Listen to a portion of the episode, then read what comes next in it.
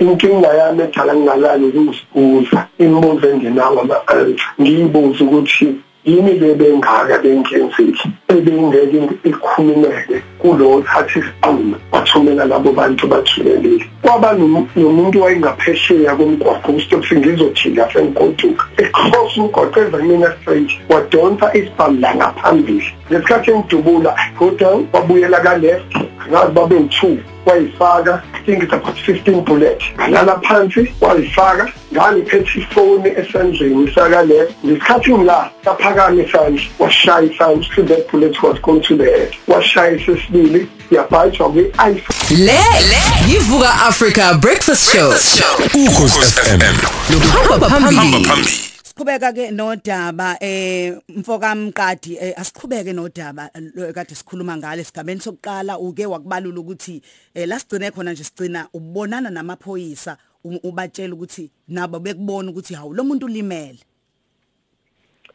yebo sibuyele futhi balaleli bokhozi no ngesikhathi se se se se se ngikufreeway i was not even stopping to any stop switch any report because my focus to me ukuthi ngikwazi ukusinda. Ngaleso sikhathi ngibona amaphoyisa ngawatshela ukuthi sengilimele and ngawatshela ukuthi ngi-escorteni ngiya esibhedlela.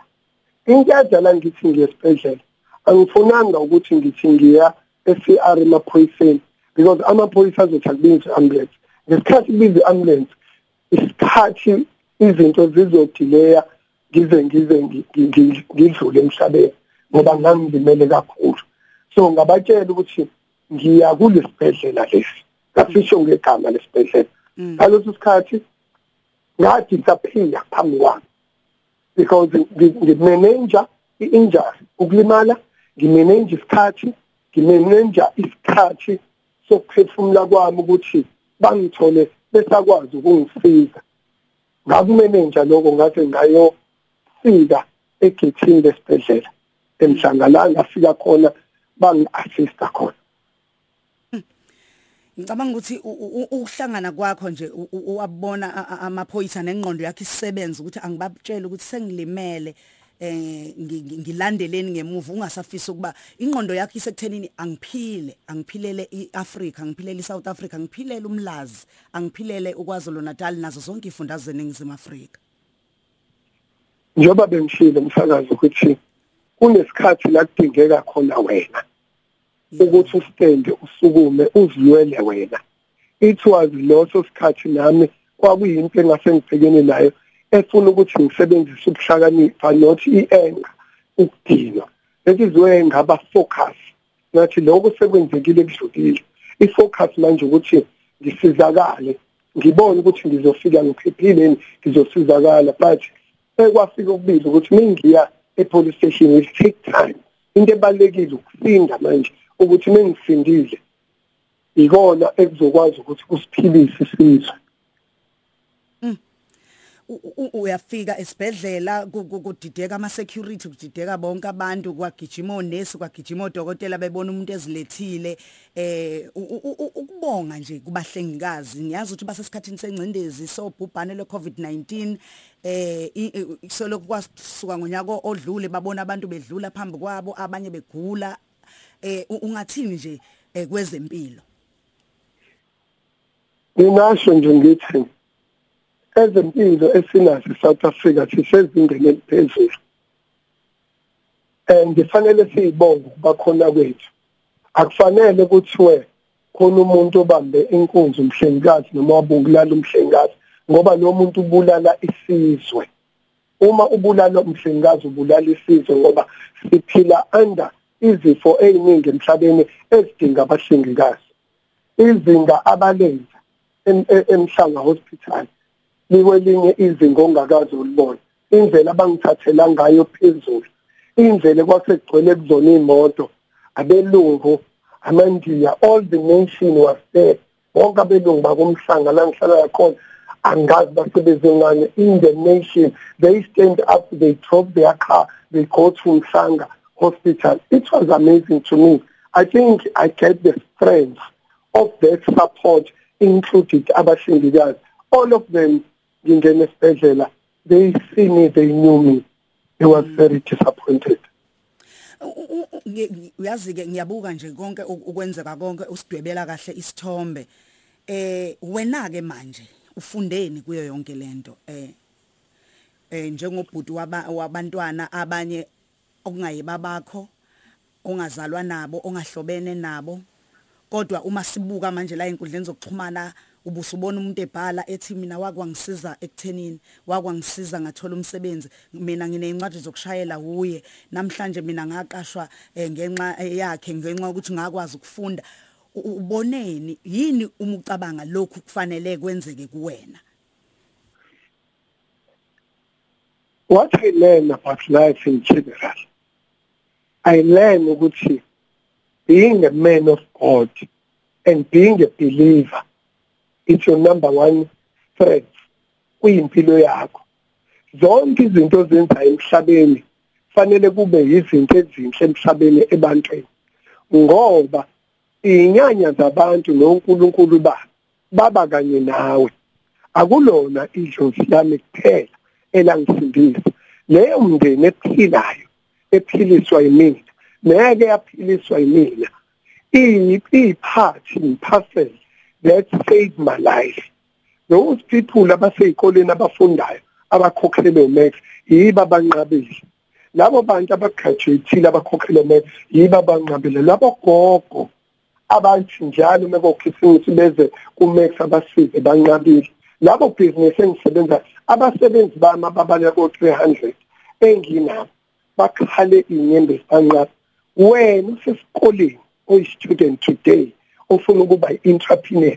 Fanele wazi ukuthi being i-entrepreneur ukuba usomabhizinisi kuhamba nama-responsibility. Ama-responsibility lokho kwenzela kumina is one of the responsibility ye-success yokuthi if you're successful in kwination yethu thina abantu abamnyama normally sekugcine sekuba normal ukuthi umuntu kufanele assassinate owusomabhizinisini omnyama. Lokho kwanje wangifundisa konke lokho. Isupport engiyitholile i never knew ukuthi izinto engizenzile for the journey of my life in business it touches people's heart the graduate the business people the the, the, the, the white nation the indian nation the colored nation everybody. I saw and i never believed. And ngifuna ukubonga ukubonga to those people abakhethekile usandile zonke obhizinismen wasemlando black coffee obhizinisi wasemlando dr ivan khoza owubaba kumina and role model. Manto mahlala omdlala wami Sean Mamkhize. Qaba entire Qaba family omandla Qaba. The issue is in the statement. The police the cluster the police cluster of the government esinawo eh, eh General Delicele eh Sigile Mbalula eh, eh, eh Ronald Lamula eh even uh, former president Jacob Zuma. They sent the messages. They called me uh, Sihlezi Kalala the government of KZN Durban tourism all of those people even abantu in general ingane esikoleni zifonelwa uthisha. Uthi ingane azikho focused. Zibuza ukuthi siphephe kanjani uma role model yethu idutshulwa sibe sazi kahle ukuthi ayikazi yenza into embi. So lelu hlelo enlenze namhlanje ukuthi ngikhulume nabo abantu ngiyacela lozo ingane sesikoleni ziqhubeke zibe nefaith. Impilo iwi-youth i-youth can change this country. I-youth ine-power to bring the brand of black business people especially as black mm. because angitutshulwanga amanye ama-culture ngidutshulwa abantu abamnyama. I-decision ayithathwanga belungu amandeni i-decision ithathwe umuntu omnyama. Why ma-afrika? Why? You're killing one of your own. Why? Sesivala nje. Ngiyathemba ukuthi ubonile ukuthi uthandwa kangakanani eh ngicabanga ukuthi ubonile ukuthi abantu abathanda into oyiphethe.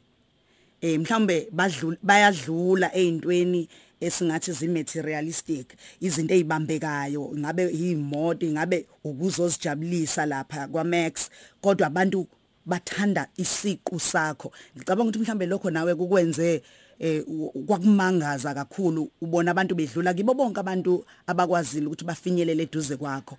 Eh abanye bakude abanye abasondelene nawe abanye baseyindaweni ezihlukahlukene kodwa eh abanye mhlawumbe banalo nedatha kodwa bayamazi uMax bazwile ngaye bafunda ngaye. Ukubaluleka kwakho wena izinto zakho zonke ezinye ezikhona zobhizinisi bangakhuluma ngazo bakhuluma ngawe. Bangasho ukuthi awubaphela ubumnandi. Eh kwaphela lokho nalokho eh aphela amabhasari bakhuluma ngoMax Mqadi ungathini eAfrika? Into engifuna ngiyitshele abantu base South Africa or in the world uNkulunkulu designed the person uNkulunkulu bless the person uNkulunkulu ubhala ijeni yomuntu. Yonke into eyenzekalayo is a part of my journey even what happened into eyenzeka it was a part of the journey and the history and the legacy of Umex as a person ngibona ukuthi I still owe South Africa a lot.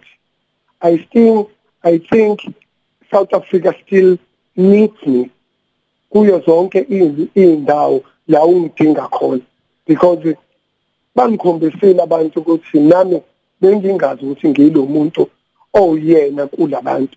Sometimes uma ushintsha impilo zabantu kuba abantu bangakini not entire South Africa entire even outside in the world abantu bahleli beduthula but the impact that eyenzekile showed ukuthi fanele into ebengiyenza ngiyenze sisi and ngifuna ukusho lokho ngicela abantu basemlando bastand together and protect i-township yabo. Umax ufa ufela i-township yabo. Umax ufa ufela i-KZN oyideveloper. Umax ufa ufela i-South Africa. Ngicela bazi ukuthi asinaphela amandla sizoqhubeka. Ku-tourism they must fight. Iyona into ekhona emnandi next lifestyle eThekwini nje namaphethelo wonke abantu abayi reason why they visit iDurban so abangapheli amandla. I-township is-saved it's just an incident ingozi eyenzekile ngaleso sikhathi. I-transition izoba safety ngoba thina sizozinikela ukuthi siyi-project uhleli kanjani wazi ukuthi uyazi ukuthi ubani owabulala usibanibani kodwa usho lutho amaphoyisa akhona. How do you feel ukuthi usibabaka sibanibani ingane zakhona elambeni mina ngiyazi wabulawa.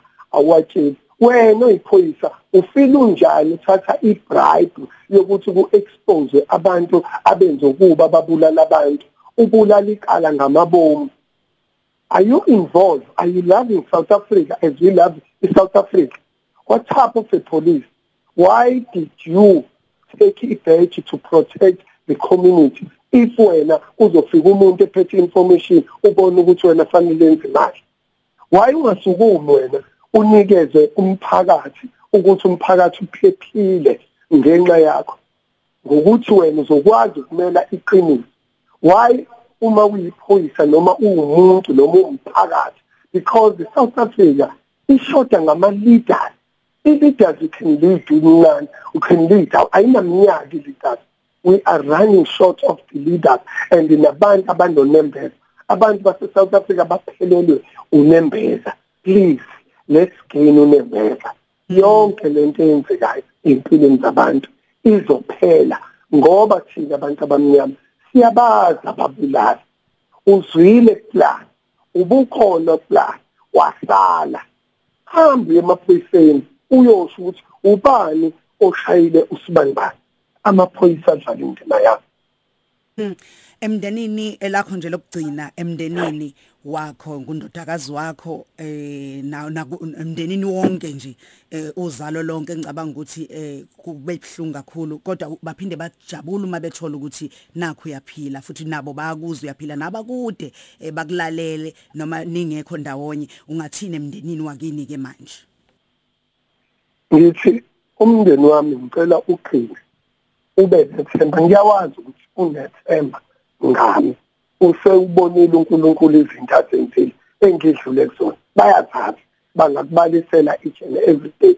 Umndeni wami uyazi ukuthi mina ngumuntu wabantu.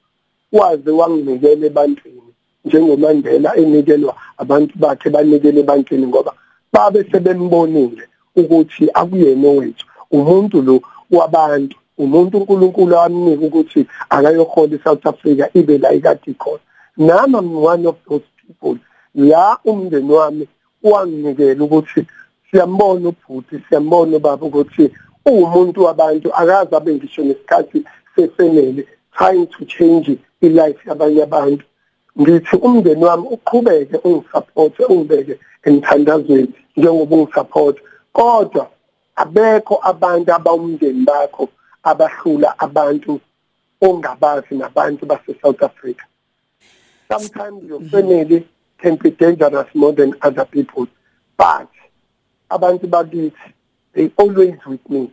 And ngiyacela abantu bonke base South Africa bangikhombisa uthando engingakaze ngilibone ngiphila nje ngiphiliswa yibona nemthandazo yabo awaso touch mfana osebenza kwami engathini engibona ethi mlungu ngikhalile.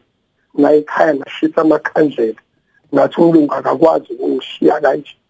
My life i never pay the pay slip ngisebenza engadini kodwa ngile pay slip ngisebenza engadini ngisho ekhaya abakhala how many of those people abakhalile? Abasebenzi bami bayasaba ufonela. Uma beke bafona basefane bakhale so lezo inyembezi zonke. Ufila kanjani wena? Lo mbhalo ebhale ku social network. How do you feel? Ukanti uyiphathi. Yokuthi ku associate to max kodwa uthula usho ukuthi. Ey siyabonga kakhulu ngokuthi nje usinikeze ithuba lokuba sikwazi ukukhuluma nawe eh, emsakazweni ukhoze FM kule nkulumo ekhethekile kuyivuka Africa Breakfast Show. Kanti ke lengxoxo uzokwazi ukuthi ke uyithole kuma podcast vele isiqalile isigaba sokuqala sangena nalesi sesibili ke sesikwazile ukuthi ke singene. Uyokwazi ukuthi nje www.ukhozifm.co.za sibonga kakhulu uMax Mqadi. Ngiyabonga ngiyabonga ukhoze nabalali bakhe wena nkosi